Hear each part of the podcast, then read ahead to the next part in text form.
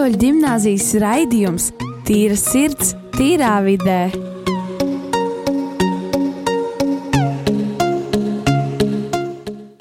Esiet sveicināti Rīgas, Rīgas katoļu gimnāzijas raidījumā Tīra sirds, tīrā vidē. Šeit esam mēs, Rīgas katoļu gimnāzijas jaunieši. Uh, paldies, ir prieks būt šeit, rādījumā arī studijā un uh, atkal mūsu raidījumā ikdienas šajā katru nedēļu pirmdienā pulksten 4.00. Uh, šodien runāsim par uh, tādām tēmu kā emocijām, bet pirms mēs pieskaramies tēmai, uh, mani sauc Rojas Ralfs Bidzāns, vadīju šo tā raidījumu, mans kohūsts, jeb uh, palīgs, labā roka, uh, Elīze. Elīze. Un uh, mūsu Rīgstrāda gimnāzijas jaunietis, kurš jau kādu laiku nākušiem raidījumiem, Markus Damulevičs. Uh, šodien mēs trīs vienkārši parunāsimies par emocijām, kāpēc tās ir svarīgas un ko tās dod, un kāpēc ir svarīgi par tām vispār domāt un runāt. Uh, tāpēc, jā, sāksim.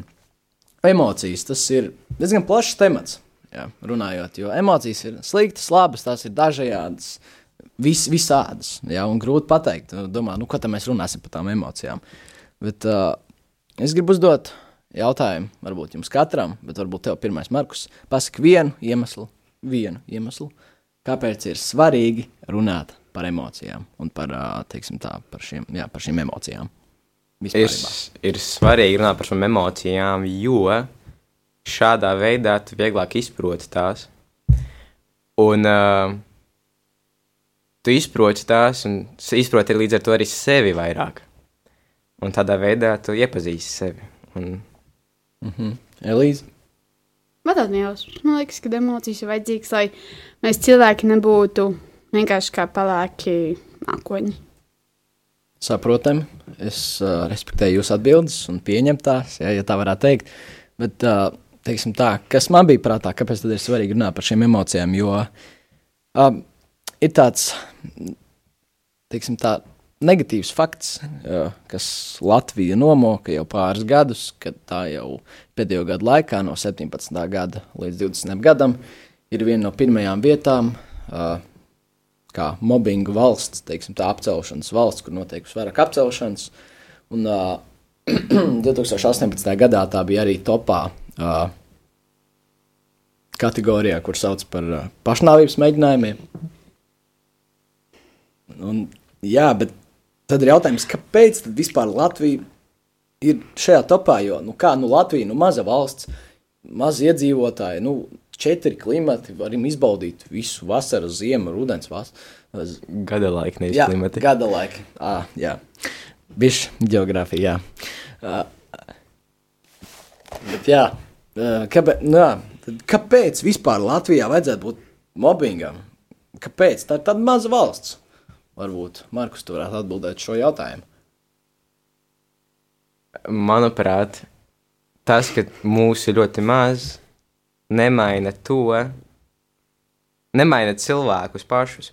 Sanāk, ka iespējams, ka mūsu, mūsu, starp mums ir mazāk cilvēku, to labu, labestīgo cilvēku un vairāk to, kas tieši, izp, nu, da, um, tieši dara to mobbingu.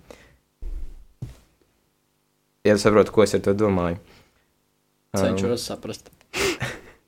Um, es ļaušu tev apkopot uh, savus domas, jā, bet uh, jā, tu jau teici, ka tas cilvēku daudzums varbūt pat nemaina arī to mobbingu skaitu. Varbūt teiksim, tā arī tādā ziņā, ka mūsdienās ir tāda lieta kā mēdīji, sociālai mēdīji, internets, kas, uh, teiksim tā, paplašina iespējas, ja, negatīvā nozīmē, mob, tik mobbingotam, pat ja tu esi Latvijas, to var tik mobbingot no jebkuras būtībā valsts, ja, kas redz, teiksim tā, sociālos mēdījos kādu postu, jeb kādu bildi, kas varbūt ir apkaunojuši kaut kas tam līdzīgs.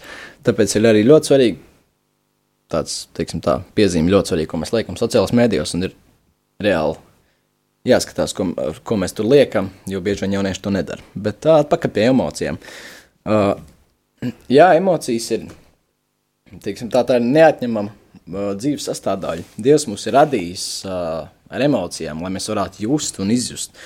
Uh, un, bet kas tad ir, piemēram, ja es definētu emocijas, ja, kas ir, kas ir tās svarīgākās, nozīmīgākās emocijas, kas mums pavada visu dzīves laikā, un tādas, pie kurām mēs varbūt, nu, mēs varbūt neaizdomājamies tik daudz, uh, ka tā ir. Bet, uh, jā, kāds tad ir tās top trīs emocijas pēc uh, jūsu, teiksim, tā, jūsu? Um, manējais top emocijas ir prieks, bēdas, dusmas. Ok, vai tu varētu paskaidrot arī, kāpēc īsām, īsumā? Top viens, pirmais tieši ir prieks, bet, ka, ja, katru, ja nebūtu cilvēkam prieks, tad viņš vispār būtu neapvienots šajā pasaulē, un es ceru, ka viņš vispār neizdzīvotu šeit. Arī bez dusmām un bēdām arī nevar izdzīvot. Tu nevari būt visu laiku laimīgs, priecīgs par visu, ah, tik skaista dzīve. Kaut kur iekšā tu reāli esi dusmīgs, kad kaut kas tev nepatīk vai kaut kas notiek slikts tavā dzīvē. Tāpēc uh, bez bēdām un dusmām nevar iztikt, tāpēc tas nav normāli. Es biju uz teātra izrādi, kur ķipa bija meitene, kur nebēdājās vispār, ka viņas bē... vecāki no, nomira. Un tas vienkārši bija, tas man liekas ļoti stulbi. Mm, varbūt runājot tāds, ka tam, nu, piemēram, tu teici, ka viņi nebēdājās. Ja? To varbūt mans skatu punkts uz šo būtu, ka vienkārši viņi neizrādīja šīs bēdas. Ka tas bija viņas aizsarga mūris, kas bija uzbūvējies no viņas, teiksim, tā, tām, no tā piedzīvotā, kas bija pirms tam, uh, kad viņi vienkārši uzskata, ka viss ir kārtībā, vienalga, kas notiek. Jā, tas, tā ir viņas aizsarga reakcija. Līdz ar to cilvēki domā, ok, viņai taču viss ir kārtībā. Līdz tādam līmenim, kad tas vairs nav normāli, ka tev ir viss kārtībā. Bet iekšēji viņai sāpes ir ļoti lielas, un viņa nespēja tas vienkārši, viņa nespēja tās izteikt, varbūt. Jā, un runājot par šo, tad kāpēc arī Latvija ir vienā no mobbinga vietām, jo Latvija. Lat, nu, latvieši pēc dabas ir mazliet tādi introvertāki cilvēki. Jā. Protams, nu, es nesaku to par visiem, bet kopumā, ja mēs ņemot, ir mazliet introvertāki cilvēki. Līdz ar to mums teikt vienam otram, pieņemsim, Latvijā var diezgan maz redzēt uz ielas, kad uh, vienkārši iet viens otram garām un, piemēram, redz, oh, wow, tu šodien labi izskaties. Ja, nu, kāds pateikt, tad, tad viņš domā, nu, wow, tu, tu esi dīvains, kāpēc man to saka vispār? Ja? Uh, tas vienkārši tas introvertiskums un jā, tas vienkārši, ka mēs visu paturam sevī vairāk nekā mēs izskatām, nu, nekā mēs izsakām kādam citam, tas vienkārši grauj mūsu iekšējo veselību. Ja? Kā mēs zinām, ir ārējā veselība, kas ir mūsu fiziskā forma, un ir iekšējā veselība. Jā. Kas darās tur, ir pats svarīgāks par to, kas darās ārā. Jo no turienes iznāks arī tās darbības, ko tu dari, un tās visas aizsarga reakcijas, ko tu dari. Jā, un tāpēc, piemēram, kāpēc bija arī šie pašnāvības mēģinājumi tik daudz? Tāpēc, ka es vienkārši esmu runājis ar cilvēkiem, kuri bijuši tuvu tam un jau praktiski to ir mēģinājuši. Jā. Ir bijuši ļoti tuvu tai robežai, kad tās iekšējās emocijas, tās iekšējās sajūtas, tās sāpes ir tik lielas. Viņas ir daudz lielākas nekā ārējās sāpes. Tu nevari pateikt no ārienes, ka viņai kaut kas nav kārtībā vai viņam. Jā. Tu liekas, ka viss normāli, viss, viņš iet, viss ok, viņš viss kustās. Jā, bet iekšējās sāpes ir tik lielas, ka viņš vienkārši nespēja to izturēt. Viņas kaut kā ir jāmazina. Un ar tām ārējām sāpēm, kad tu sāc sevi graizīt, ja, vai nodarīt savu pārnu ārēji, tas mazliet novērš uzmanību no tā, kas darās iekšā. Ja. Un šī, tad, manuprāt, vismaz ir tāda viena atbilde, kāpēc ir jārunā par šīm emocijām, jau par šo mentālo veselību. Jo no tā var būt atkarīgs mūsu dzīves nākotnē. Ja? No tā mēs varam, jo nezinādam, ko darīt, piemēram, cilvēks ir tādā situācijā, ja mēs varam, ja mēs zinām, ko darīt un kā viņu varbūt izrunāt tam cauri. Jo, piemēram, tas ir diezgan labs jautājums, būt, kā, kā tu palīdzētu cilvēkam, kurš ir uz tās robežas.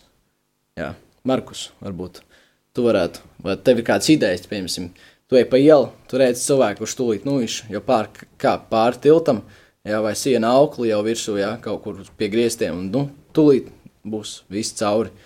Kā tu mēģinātu viņu apturēt? Kas būtu tas pirmais, kas tev lēktu galvā? Ko tu viņam teiktu, lai viņš neizdarītu to? Nu, pirmais, pats automātiskākais, ko es darītu, būtu teikt, stop, jā, un skriet klāt, un tā kā, nu, vienot apstādināt to cilvēku. Vismaz pēc manām domām, jo es pats to nekad neesmu pieredzējis. Mm -hmm. um, un tad es pieņemu, ka tas cilvēks pretu, pretotos, un šajā ziņā es pat nezinu, ko es darītu, mm -hmm. jo tas diezgan, tas tā diezgan, jo Jo vienkārši runāt par to, tas ir diezgan nu, sarežģīti. Tas cilvēks nav tie neklausīsies, un tu neko tur īsti neko nepanāksi. Un, bet tas tā kā tas tāds, tāds Diezgan grūti, ne? Jā, jā, jā, jā, jā. jā. Viena lieta par šo zinu, es redzējis visas tās daudzas, kur cilvēki galvenā sevi, viņi, eh, pats ir, nevajag ar viņiem runāt, bet vajag viņos ieklausīties, ko viņi saka. Jo ir tieši tie cilvēki, viņi vienkārši taisa pašnāvību, jo viņiem nav neviena, kurš viņus pa īstam ieklausītos. Nav neviena, kurš pateikt, vai tev viss kārtībā, vai arī kāds pienāktu, vai arī, nu, saka, kas tev ir sirds. Un, protams, viņi visu izstāstīja, pēc tam viņi justos labi, un viņiem būtu vismaz kāds, kurš ieklausījās tiešām viņos, ko viņiem vajadzēja teikt. Jā, es tev piekrītu arī par šo, jo tā patiešām ir, kad, uh, ja tu viņiem mēģinās kaut ko ieskaidrot, ja visticamāk neizdosies, jo viņi jau iepriekš, kāpēc tad viņi nonākuši līdz šim, jo, jo nav vienkārši tā, ah, nu, bāc, es, nu, kaut kā nav dzīvē man jēgas, nu, nu, nevajag man dzīvot, jā, bet tam ir ļoti dziļš pamats, uh, kāpēc, un tas diezgan daudz no tā ir ietekmēts, ka citi ir vienkārši nevis uzklausījuši viņu, bet mēģinājuši viņu mācīt, uh, varbūt ne vislabākajos un vispozitīvākajos veidos, jā, uh, jā, kad vienkārši centušies viņam kaut ko ieborēt galvā būtībā, jā, pat, un uh, tas viņam nav palīdzējis. Jā, bet šeit atkal, ko es gribēju teikt, ir, ka, ja,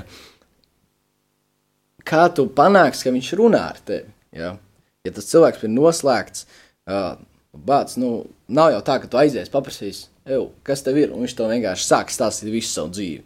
Ja, tas ir rīktīgi psiholoģiski, tev viņš ir jānoskaņo, lai tu spētu viņam palīdzēt. Tas nemaz nav tik vienkārši, ka es tās, nu, labi, es, es aiziešu pie tā čoka, jau vecī, kas tev, kas tev kaiš, un tad viņš vienkārši izstāstīs visu, un tad aizies mājās. Bet, lai tu piedabūtu viņu runāt, jo viņš ir, viņš ir, katrai mūsu darbībai, pieņemsim, ir, ja jūs esat pamanījuši, katrai mūsu darbībai ir, ir tas brīdis, kad mēs galvā nolamjam.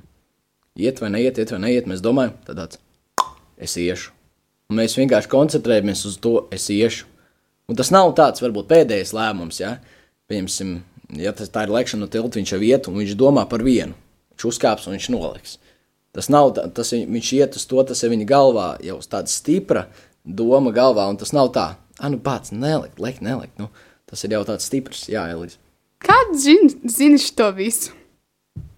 Jā, es diezgan daudz par to esmu, esmu runājis ar cilvēkiem, kuri diezgan to es vienkārši no viņiem ņemu, jo personīgā pieredze tā ir būtībā vislabākā, ar ko dalīties, jo tā nav uh, kaut kādas teorija, tā ir personīga pieredze, ko cilvēks piedzīvojis, tā ir visīstākā un visreālākā. Jā, un vienkārši arī jā, domājot līdz tam, un pēc tam tiešām saprotot, jā, tā varētu būt. Jā. Un, tā doma vienkārši tajā brīdī ir tik stipra, jā, par ko es teicu iepriekš, jā, ka tev nav tā, ka tu vienkārši, nu, bērns, iešu nedrīkst, ja tu esi koncentrējies uz to. Mums katram ir mērķis vienalga, ja mēs ejam, bērns, nu, vajag dabūt desmitnieku, maukšu, jā, jau teikt žargonu valodā, jā, darīšu visu. Bet konkrēti viņa prātā nav tā, ka viņš grib iet uzreiz un to darīt. Viņam vienmēr ir kaut kādas šaubas, jo ir cilvēki, es redzēju tos video, visus, viņi cilvēki tie stāv vienkārši stilta, un kaut kādu stundu viņi var tur gaidīt un stāvēt mierīgi. Līdz viņi beigās izdomā, viņi leks vai neliks. Ir tāds cilvēks, kas vispār neizdomā, ka viņi neliks, bet viņi saprata tās visas šaubas. Tas ir tas iekšējais, tas tā kā no ārpuses cilvēks var likties ļoti mierīgs, bet iekšā viņā notiek vesela kaujas ar divām pusēm - liekt vai nelikt.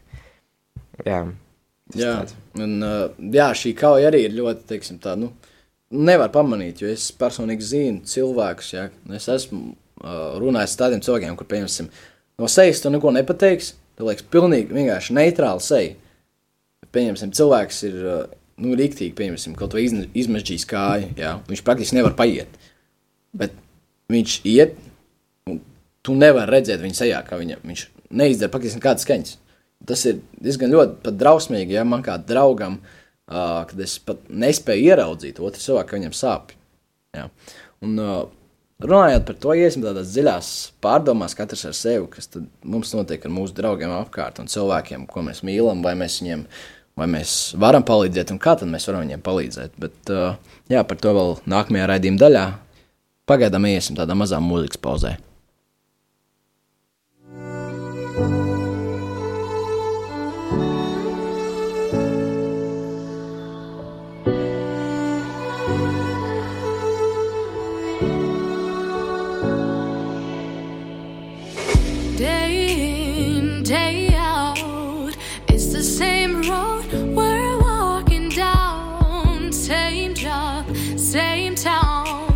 We've been told that's the way our world goes round. Walking on the grounds we we've always known. Stepping on the footprints in the snow. But when it melts, the other ways will show. We're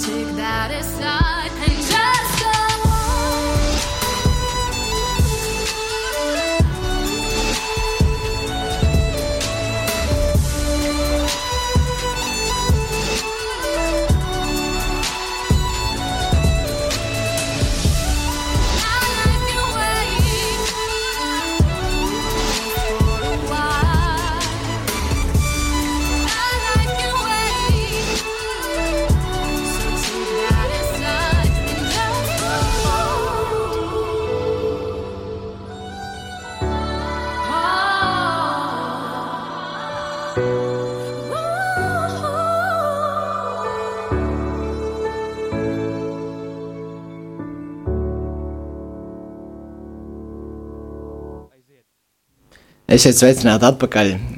Radījumā arī Latvijas klausītāji Rīgas katoļu ģimnāzijas raidījumā Tīrs ir tīrā vidē. Pirmā raidījuma daļā mēs norunājām, teiksim, tā norunājām par, par emocijām, mazliet pieskarāmies Latvijas apstākļiem ar pašnāvības un mobbinga mēģinājumiem. Un, jā, un tad, kāpēc tas ir? Jā, bet otrā raidījuma daļā mēs vairāk parunāsim par tieši emociju, ā, tādu spēcīgu emociju, kas mums ir būtībā visas dzīves laikā. Ir no pirmā brīža, kad mēs, kad mēs ieraugām savu māmu, no līdz pat brīdim, kad mēs nomirstam. Un Mēs, kristieši, ticam, ka arī pēc tam. Un, šī emocija ir mīlestība. Jā. Un uzreiz, ā, Elīze, kas tev ienāk prātā? Pirmais vārds, kad uh, tu izdzirdi vārdu mīlestība. Ui, daudz kas, kas tik ne. Viens pirmais. Negribu teikt. nu, teiksim, man suņa mīlestība, es viņu tā mīlu, es nevaru viņu tā priecājos, es tik mīlu, mīlu, mīlu, mīlu, mīlu, mīlu, mīlu, mīlu savu suņiku. Un savu ģimeni, es nezinu, kā lai paskaidroju to. Es vienkārši, man ir mīlestība, viss. Prieks, laime, superīgi. Tā gan ir Markus. Uh, mīlestība. Ir tā, ka cilvēki iedalās divos uh, veidos. Uh, viens, no veid, viens no cilvēku veidiem ir tie, kas paskaidro mīlestību kā ļoti zinātniskā veidā, ka tas ir uh, hormonu uzplūdums. Lai... Es, es, es pats nezinu to zinātnisko paskaidrojumu, bet es vairāk ticu tam, tam emocionālajam. Mm -hmm. uh, un tas otrs ir tas emocionālais uh, paskaidrojums, ka mīlestība ir uh, tāda ļoti īpaša saikne ar kaut ko. Tas var būt, nu- vai tas var būt gan cilvēks, tas var būt, kā Elīze teica, dzīvnieks, tas var būt arī kāds tā kā priekšmets vai nu, kaut kāda būtība. Mm -hmm. Un, uh, un, un, un. Jā, un, un uh, tad tā kā tā mīlestība izpaužas, ka tu jūti to, ar to, to lietu, baig, nu, lielu saikni, tādu, ka, nu, kad va- var pat teikt, ka viņš ir gatavs darīt par, par viņu jebko. Mm -hmm. Un uh, kaut kā tā. Jā, tā gan ir. Jums abiem ir taisnība. Jūs abi pateicāt daļu no kas ir mīlestība. Jā, jo pat nav iespējams nodefinēt tādos pāris vārdos, kas tad ir tā mīlestība. Uh, bet sāksim ar to, ar mīlestības klasifikāciju. Ja, no tāda zinātniskā un no tāda uh, emocionāla viedokļa, tad kā tad iedalās uh, mīlestība? Ja? Tā tad ir, uh, nu, protams, viss ar latīņu saknēm. Pirmais vārds ir agape, kas ir dievišķā mīlestība. Uh, mīlestība pret tuvāko upurēšanās, tas vairāk ir, uh, teiksim, tā reliģiskā nozīmē. Ja? Mīlestība pret dievu un dievu mīlestība pret cilvēku. Ja? Un, uh, jā, tā ir, teiksim, tā katra no šīm uh, īpašībām no šīm mīlestības klasifikācijām ir ļoti īpaša. Uh, otrā ir uh, eros, kas ir uh, kaislīga mīlestība, kas ir uh, sajūta mīlestība. Jā, par to mēs varbūt vēlāk, pēc pāris gadiem. Uh, bet vēl ir filija mīlestība, mīlestība kā draudzīga, draudzības mīlestība. Jā, kad uh, es tevi mīlu, Markus, un es tevi mīlu, Elīs, kā draugus. Jā, un tev, Kristē, arī, kas tur aiz pie Miķa sēž. Uh, es, jā, tā ir kā draudzīga mīlestība. Jā.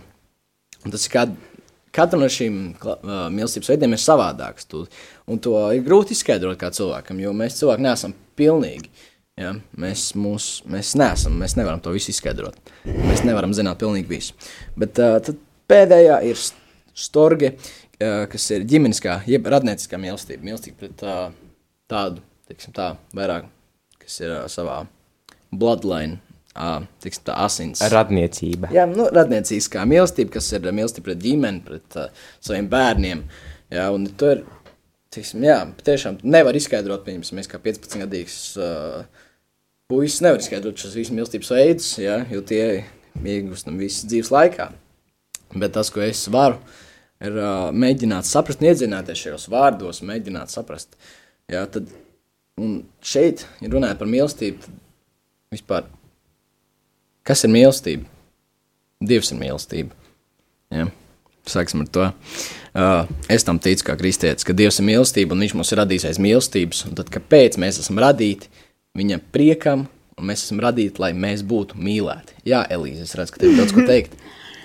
Mm, Man jūs nevarat šis jautājums tik labs. Man jums abiem jautājums. Vai jums kāds patīk? Uh, kurā mīlestības klasifikācijā tu iedalītu šo jautājumu? Par kādu svešu cilvēku. Bet vai tā ir uh, teiksim, tā ģimenes mīlestība, vai draudzības mīlestība, vai ēras kaislības mīlestība? Kaislības. Vai... Skaidrs. Markus, tu vēlaties sākt? Manuprāt, šī ir konfidenciāla informācija. Mm -hmm. Es to nevēlos izpaust. Saprotams, pilnībā saprotu, jā, un uh, katram ir personīgi, teiksim, jā, tie cilvēki, bet, uh, manuprāt, mēs kā jaunieši vairāk pagaidām vismaz izjūtam šo draudzisku mīlestību. Jā, bet uh, tad Elīze jautājums tev, vai tev ir kāds cilvēks? Man ir divs. Un, okay. Jā, man ir. Mm -hmm. Ok, labi. Tas ir tavs, teiksim, tā skatījums. Uh, un paliksim pagaidām pie katras pie sava par šo mīlestības veidiem, bet jā, vēl par mīlestību, jā, ko es iesāku teikt pirms tam, mēs esam radīti, lai mūs mīlētu, un kāpēc tad mīlestība ir svarīga, jo tā plūst mūsu vēnās, par to varētu teikt. Tā ir, tā ir ļoti svarīga visās ziņās, visos uh, lēmumos, ko mēs pieņemam. Ja? Par velti saka, uh, vai nu izlēmēt prātu, vai izlēmēt ar sirdi. Ja? Un, ko tad sirds jūt? Sirds jūt tādu stipru saikni, kā jau Markus minēja pirms tam. Tā ir tā mīlestība, ir kaut kā stipra saikne pret kaut ko, ka tu jūti, ka tas ir. Jā. Un, uh, jā, tas ir ļoti interesanti par šo mīlestību, kad arī Bībelē rakstīts par šo mīlestību, jā, kas tad ir šī mīlestība. Un, jā, patiešām, kad es, ja godīgi, jā, mēs varam atgriezties atkal pie mērķiecīgas dzīves, jā, jo, teiksim tā, jo Dievs ir mīlestība, viņš mums ir radījis, lai mēs būtu mīlēti, jā, un tad, tad būtībā tad ir jautājums atkal, ko tad mums darīt, jā, ko tad mums darīt savā dzīvē, mums vienkārši būt mīlētiem un kā mums būt mīlētiem un kāpēc, Ja ir daudz ļoti jautājumu, kāpēc un kā. Uh, tāpēc es visiem klausītājiem varētu ieteikt uh, kādu labu grāmatu, kas saucas Mērķiecīga dzīve, Rīgas Vorens. Uh, es pat lasu šo grāmatu tagad jau kādu mēnesi, un patiešām tā var uzrunāt, jo tur ir ļoti daudz viss, kas aprakstīts, un Dievu par to savu dzīvi, par savu sūtību. Uh, kāpēc tad Dievs tevi ir izvēlējies, un viņš nolicis tieši to šajā laikā. Un diezgan daudz ir uh, saka cilvēki par to, ka uh, man liekas, ka jums katram ir bijis uh, tā, ka notiek kaut kāda negatīva lieta, un tāds bācis, bet varēja jau bez tā iztikt. Es varēju izdarīt bišķi savādāk. Ir tā bijis? Jā. Protams. Jā, un tad ir tā doma, bāc, nu, kāpēc? Nu, varēja būt savādāk, piemēram, ja, ja tev ģimene, pieņemsim, klausītāji, ja tev ģimene, vecāki nav bijuši tie paši labākie, ja, kas tev audzinātu, varbūt, ja, atstājuši traumas, uh, ja, tad domāts, bāc, bet kāpēc Dievs jau to negrib, jo Dievs ir radījis mūs labs, Bībelē teikts, viss, ko viņš radījis, ir labs, ja. Un kāpēc tad viņš man šitādus vecākus uzsūta? Jā, Elīza. Um, nu, Dievs uzsūtīja mūsu vecākus kā mazus bērnus, bet uh, pakāpeniski dzīves laikā mēs paši veidojam sevi, nevis Dievs veido mūsu. Tāpēc mūsu vecāki veidoja sevi, viņi nonāca līdz sevi, kāda viņi ir. Es veidoju sevi, es tagad esmu tāda, kāda es esmu. Jūs uh, tagad nonācāt tāda, kāda jūs esat, bet Dievs jūs neveidojat, jūs paši veidojat sevi. Tas ir uh, interesants fakts, uh, Markus. Jā, tas ir. Tu vēlaties kaut ko piebilst, vai ne? Nē, nē. Okay. Uh, kad mēs paši veidojam sevi, jā, protams. Protams, mēs paši, Dievs mums ir, grib, vai, Dievs mums ir devis brīvu izvēli. Mēs neesam viņa nekāda verga, nekas mums pašiem ir savs dzīves.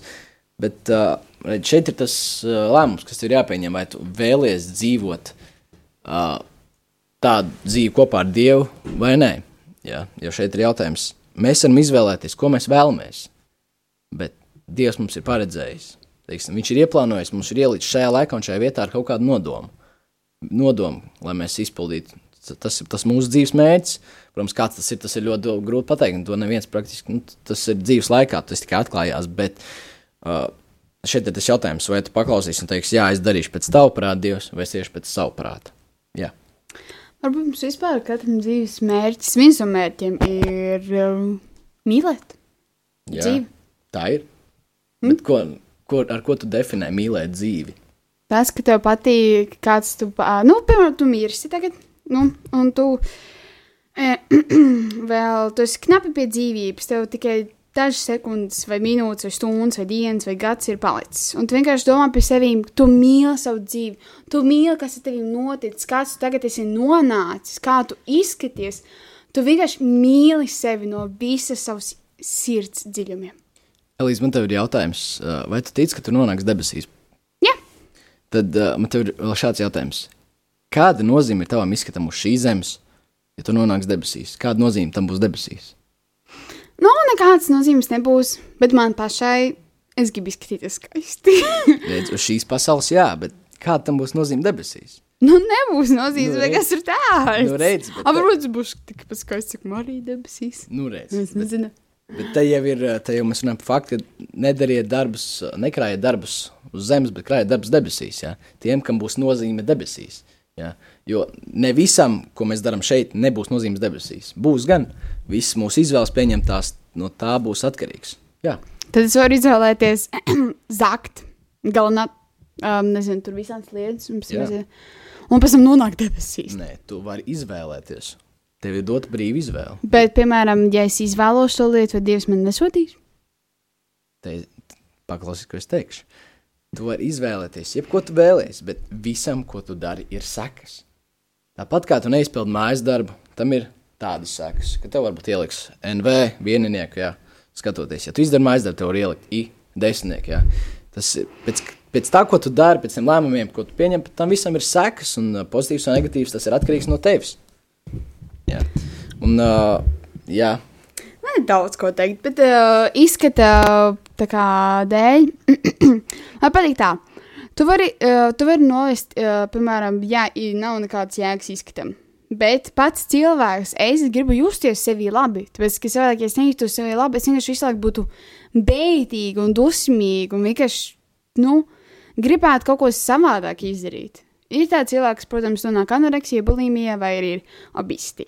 Redz, es nesaku, ka nav vispār nozīmes uz šīs zemes, jo šeit ir nozīme, kā tu izskaties. un Tā, nu, protams, tas atšķiras, vai tu tiks buljots vai nē, un tam līdzīgi. Bet vienkārši nevajag iekoncentrēties uz to, jo tas var novest pie tā, ka tu paliec par narcistu.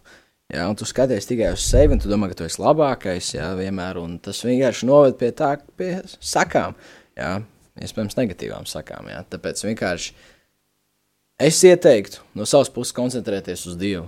Ko Dievs par to saka? Ja? Jo Dievs mums ir radījis, un redz, šeit ir tas, tad, kāpēc, piemēram, daudz cilvēki, viņus, viņiem ļoti sāp, ko citi par viņiem pasaka, ja? Bet, un mēs, pieņemsim, dažreiz pieņemam kaut ko, Jā, ko mēs domājam, pirms tas, ko es daru, ir tas, kas es esmu. Jā. Bet nē, tā nav. Tavi darbi nenosaka tavu identitāti. Dievs to ir noteicis, tad, kad viņš tevi radīja. Tu esi viņa mīļotais bērns. Vienalga, ko tu dari vai nedari. Tu esi viņa mīļotais bērns. Viņš mīl visus. Viņš neatstumj nevienu. Un tāpēc uz šādas nots, ar mīlestību, ka Dievs mūs visus mīl, Dievs mīl ar tevi, klausītāji, mēs noslēgsim šo raidījumu un uh, tiksimies nākamā nedēļa. Atā!